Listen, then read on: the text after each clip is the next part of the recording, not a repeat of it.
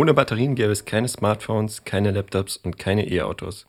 Unser modernes Leben wäre ohne diese Energiespeicher kaum möglich. Doch welche Rohstoffe stecken in Batterien? Zu welchen Problemen kommt es beim Abbau dieser Rohstoffe und beim Recycling der Batterien? Und wie versucht die EU, diesen Problemen vorzubeugen? Darüber spreche ich heute mit Michael Rekord.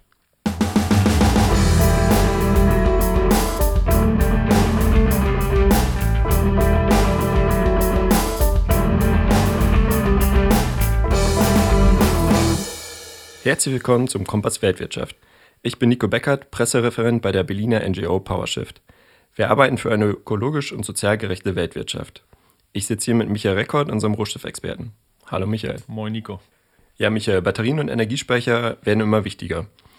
Die EU beschäftigt sich jetzt erneut mit diesem Thema. Was ist der Hintergrund? Die Europäische Kommission schätzt äh, den Batterienmarkt als einen der entscheidenden Wachstumsmärkte der Zukunft ein. Das liegt vor allen Dingen an dem starken Zuwachs der E-Mobilität. Die Europäische Kommission schätzt, dass bis 2030 80 Millionen E-Autos auf europäischen Straßen fahren, davon 10 Millionen alleine in Deutschland. Nina Schlosser schreibt in einem Factsheet für uns, dass die äh, Europäische Kommission den europäischen Automobilsektor als Katapult bezeichnet für eine nachhaltige äh, Batterienproduktion. Und die Europäische Kommission schreibt selbst, dass die schädlichen Auswirkungen von Batterien auf die Umwelt in ihrem gesamten Lebenszyklus reduziert werden sollen und in Einklang mit dem European Green Deal und der Circular Economy gesetzt werden sollen. Das heißt, zwei sehr zentrale politische Pakete, der Green New Deal und die Circular Economy, sollen sozusagen um eine Batterieverordnung erweitert werden. Okay, und was plant die EU-Kommission konkret mit dieser Batterienverordnung?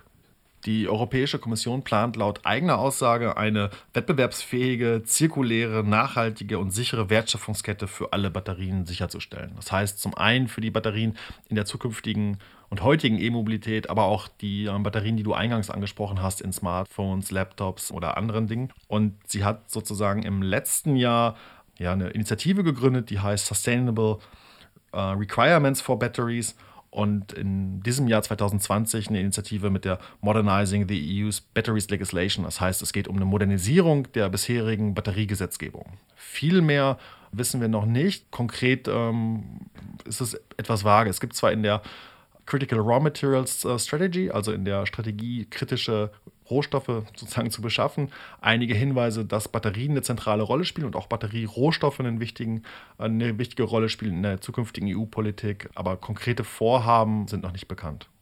Okay, du hast jetzt eingangs die ähm, vier Adjektive erwähnt. Wettbewerbsfähig, zirkulär, nachhaltig und sicher soll die Wertschöpfungskette werden. Wenn ich mir den Markt jetzt aber mal angucke, dann sieht man ja, dass irgendwie fast alle Länder für ihre Industrien, also weltweit, Batterien und Batterierohstoffe ähm, besorgen wollen sozusagen. Ähm, wie kann es dann gleichzeitig wettbewerbsfähig, also möglichst günstig nehme ich an, aber auch nachhaltig sein? Die EU-Kommission plant, ähm, die EU sozusagen nach Asien, nach China, Südkorea als den zweitgrößten Batterieproduzenten aufzubauen. Und ähm, in diesem Kontext ist uns auch ein bisschen unklar, was Nachhaltigkeit meint. Zum einen muss Nachhaltigkeit natürlich äh, beinhalten, eine Kreislaufwirtschaft auszubauen. Das ist sozusagen da, wo die EU auch schon einige zumindest nette Worte formuliert. Auch die Recyclingquoten und die Wiedergewinnungsquoten bei Autobatterien sind relativ hoch. Bei Batterien aus elektronischen ja, Devices, elektronischen Geräten wie Smartphones, Laptops etc. sind noch ausbaufähig. Aber der andere Punkt ist die Frage, woher kommen die Rohstoffe? Da hat die EU im Grunde zwei Strategien. Zum einen ja, die Rohstoffe aus dem, aus dem nicht-europäischen Ausland zu importieren. Da versucht man mit Handelsabkommen, Verknüpfung von Entwicklungspolitik und Rohstoffpolitik, die wir sehr kritisch sehen, äh, oder dass wir beides sehr kritisch sehen, die Rohstoffquellen ähm, ja, zu sichern, den Zugang zu den Rohstoffquellen. Und der andere Teil ist auch, ähm, den Rohstoffabbau in Europa stärker zu forcieren. Das heißt jetzt, wenn die Rohstoffe auch aus dem außereuropäischen Ausland kommen für diese Batterien oder kommen sollen, Achtet die EU da auch auf Menschenrechte und Umweltschutzstandards? Das ist in der Batterieverordnung beziehungsweise in den Teilen, ähm, die bisher öffentlich sind, noch nicht wirklich präzisiert. In der Critical Raw Materials Strategy, wo es um die kritischen Rohstoffe geht, wo Batterierohstoffe wie ähm, Nickel, aber auch äh, Lithium, Kobalt und Graphit eine stärkere Rolle spielen, wird das angedeutet, dass eine europäische Sorgfaltspflichtenrichtlinie da helfen soll und OECD und UN-Standards umgesetzt werden sollen. Wie das aber tatsächlich sich ausgestaltet, ist noch offen. Wir kennen das aus der Debatte um die Handelsabkommen, wie mit Mercosur, wie mit Peru oder anderen rohstoffreichen Ländern, dass die Kapitel zu ja, Einhaltung von Menschenrechten, zu Umweltschutz meist sehr vage sind, äh, meist nicht einklagbar sind für die Betroffenen, dass es an Zugängen zu Rechtsmitteln fehlt für die Betroffenen und dass europäische Konzerne sich in der Regel aus der Verantwortung stehlen. Du hast gerade auch angesprochen, dass der Rohstoffabbau in der EU forciert werden soll, also dass das ein Ziel ist der Batterienregulierung. Darüber haben wir bisher in unseren Podcasts sehr wenig gesprochen, also über den Rohstoffabbau in der EU. Sind denn die Menschenrechts- und Umweltstandards hier höher? Also werden sie auch eingehalten? Es gibt auf jeden Fall viele Proteste. Ähm, was Lithium angeht, werden immer wieder Lagerstätten in Portugal und Spanien genannt und vor Ort ähm, ja, organisiert sich mittlerweile der Widerstand gegen die Abbauprojekte. Zum Teil, weil sie ganz nah an Kulturerben, Städten äh, passieren, ähm, zum Teil, weil die AnwohnerInnen genauso wenig eingebunden werden wie im globalen Süden, zum Teil ähm, weil ähm, landwirtschaftliche Fläche verloren geht, es fehlt an Erwerbsmöglichkeiten. Das heißt, die Proteste hier sind auch groß und beim Beispiel Lithium, 78 Prozent des in Europa genutzten Lithium kommt trotzdem aus Chile. Und das ist bei vielen Rohstoffen so, dass eigentlich ja, ausländische Lagerstätten gerade bei Batterienrohstoffen wichtiger sind. Also Kobalt kommt laut der EU zu 68 Prozent aus der Demokratischen Republik Kongo, Aluminium zu 64 Prozent Guinea, da hatten wir ja auch schon einen Podcast mit der Rolle Deutschlands zu. Und bei Nickel gibt es gerade auch immer wieder die Beschwerden des, ähm, aus Russland. Ähm, wir kennen die Diskussion um Nord Stream 2 sozusagen, um die Abhängigkeit von Russland.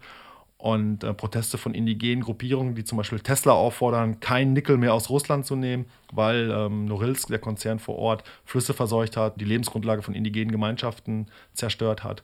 Und aus eigener Erfahrung kann ich auch sagen, auch in den Philippinen äh, sind das immer wieder Themen. Äh, nördlich der Hauptstadt Manila gibt es äh, die Stadt Sambales, die von drei, vier ähm, Bergbaukonzernen sozusagen ähm, ja, umzingelt ist. Und da kommt es immer wieder zu Zerstörungen durch Taifune, durch Stürme, durch ähm, Starkregen, wo dann halt die Flüsse ja, purpurrot gefärbt sind, ähm, Fischsterben, zum Teil Farmen sterben und so weiter. Das heißt, bei vielen Rohstoffen gibt es große Herausforderungen. Es eigentlich weniger eine Frage, ob innerhalb der EU abgebaut wird oder außerhalb, sondern ähm, ja, wie man Konzerne zur Rechenschaft zieht dass ähm, sie sich an Standards halten und wie sozusagen auch der Konsum äh, oder der Verbrauch von diesen Rohstoffen in einem gewissen Rahmen gehalten werden kann. Okay, das ist ein sehr spannendes Thema, das Thema Nickel, ähm, weil Tesla jetzt, äh, jetzt ja auch angekündigt hat, weniger Kobalt in Batterien verbauen zu wollen, aber dadurch steigt dann der Nickelgehalt, also auch bei Tesla. Ich habe es mal aufgeschrieben für die, nächste, die, die Liste der nächsten Podcasts sozusagen. Ja, kommen wir zur nächsten Frage. Zur Nachhaltigkeit gehört bei der EU-Regulierung auch, den Ressourcenverbrauch für Batterien zu senken. Ich frage mich jetzt, ist das überhaupt möglich, wenn wir in Zukunft alle E-Autos fahren sollen, die halt riesen Batterien drin haben und wenn in Zukunft alles digitalisiert wird und wir noch mehr Elektroprodukte nutzen? Die EU schreibt in ihrer Strategie für die kritischen Rohstoffe ganz klar, dass wir bei einigen Rohstoffen das Vielfache brauchen. Ich glaube, bei Lithium war es das 15-fache, äh, bei Kobalt ist es, glaube ich, das vier- oder achtfache. Das heißt, wir haben sehr, sehr starke Wachstumsmärkte. Die Herausforderung ist, dass E-Autos, ähm, die Batterien mehrere hundert äh, Kilogramm wiegen da geht es vor allen Dingen immer noch um Lithium, Kobalt, Nickel, Graphit, die vier Rohstoffe, die sozusagen in der Batterie drin sind. Aber auch diese Batterien haben Gehäuse aus Aluminium, aus Stahl. Es geht um Kupferleitungen. Die Bundesanstalt für Geowissenschaften und Rohstoffe schreibt, dass in einem aktuellen fossilbetriebenen Auto 20 Kilogramm Kupfer verbaut sind. In einem mit E-Batterien werden es irgendwann 80 Kilogramm sein. Das heißt, wir haben an ganz vielen Stellen große Verbrauchsanstiege. Und das hängt natürlich auch damit zusammen, wie wir unsere Mobilität gestalten. Aus ähm, unserer Perspektive würde ich sagen, wir brauchen eine Mobilitätswende, die eine Rohstoffwende mitbedenkt. Das heißt im Grunde auch weniger Autos, kleinere Autos, leichtere Autos und am besten halt viel stärker geteilte Autos und gleichzeitig Investitionen in Radverkehr, in Fußverkehr, in ÖPNV und eine Umgestaltung äh, ja, von Mobilität und eigentlich sogar Städten. Jetzt ist ja auch das nachhaltige Recycling von Batterien ein wichtiges Ziel der EU-Regulierung. Ist es einfach so leicht möglich, Batterien quasi zu recyceln? Na, es ist erstmal wichtig, dass es ein äh, Ziel der Europäischen Kommission ist. Es passt sozusagen ja auch in die Circular Economy-Pakete äh, rein und man muss sagen, dass die Europäische Union da auch eher die Bundesregierung treibt. Gleichzeitig sind die Möglichkeiten für Recycling von Batterien aus E-Autos ziemlich gut. Das heißt, wir haben äh, große Mengen an Rohstoffen, die sich auch lohnen äh, zu recyceln. Ähm, wir bekommen sie sozusagen auch in, in, in, großen Chargen. Eine Herausforderung ist, dass häufig ähm, die bis zu 100 Einzelteile noch händisch ähm, ja, auseinandergeschraubt werden müssen und dass es keine standardisierten Batterien gibt, äh, was halt ähm, schwieriger macht, Recyclingverfahren zu entwickeln. Zum anderen dürfen wir nicht nur auf Recycling und die Kreislaufführung von den Rohstoffen gucken, sondern auch eine Reparierbarkeit von Batteriezellen. Ähm, das heißt, einzelne Zellen vielleicht auszutauschen in einer großen Batterie. Das wird sozusagen auch die Lebenszeit der Batterien verlängern. Und dann ist auch noch eine Frage, wo die EU mit drauf guckt, halt sozusagen das sogenannte Second Life. Das heißt, wie können Autobatterien für stationäre Speicher halt genutzt werden. Was interessant ist, bei E-Autos kann man sozusagen ähm, einige Rohstoffe 90 Prozent oder mehr zurückgewinnen was eine Herausforderung bei anderen Batterien ist. Es ist schon ja, fast tragisch skurril.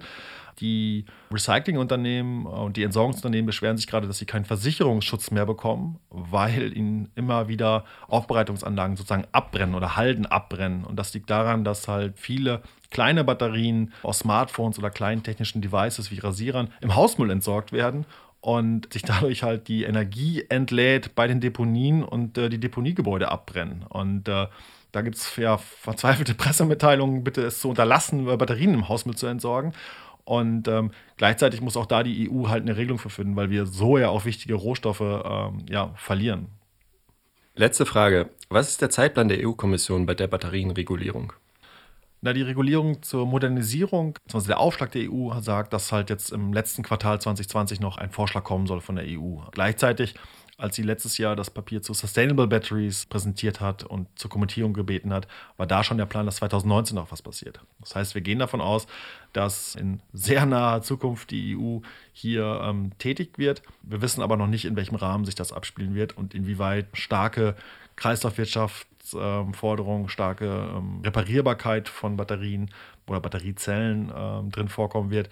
Und es ist auch noch offen, inwieweit tatsächlich äh, menschenrechtliche Sorgfaltspflichten, hohe soziale und ökologische Standards vorgeschrieben werden. Denn eins ist sicher, wenn sie wirklich nachhaltige Batterien produzieren wollen in Europa, dann kann das nur gehen, indem Menschenrechte eingehalten werden, äh, indem Rohstoffe unter den bestmöglichen Bedingungen abgebaut und nach Europa kommen und dass diese Rohstoffe möglichst lange in der Nutzung sind. Ich glaube, das sind zentrale Punkte und alles andere würde sich die EU unglaubwürdig machen. Ja, vielen Dank, Micha, für diese spannenden Informationen. Und an euch da draußen, bleibt uns treu, abonniert unseren Newsletter und äh, folgt uns gerne auch auf Social Media.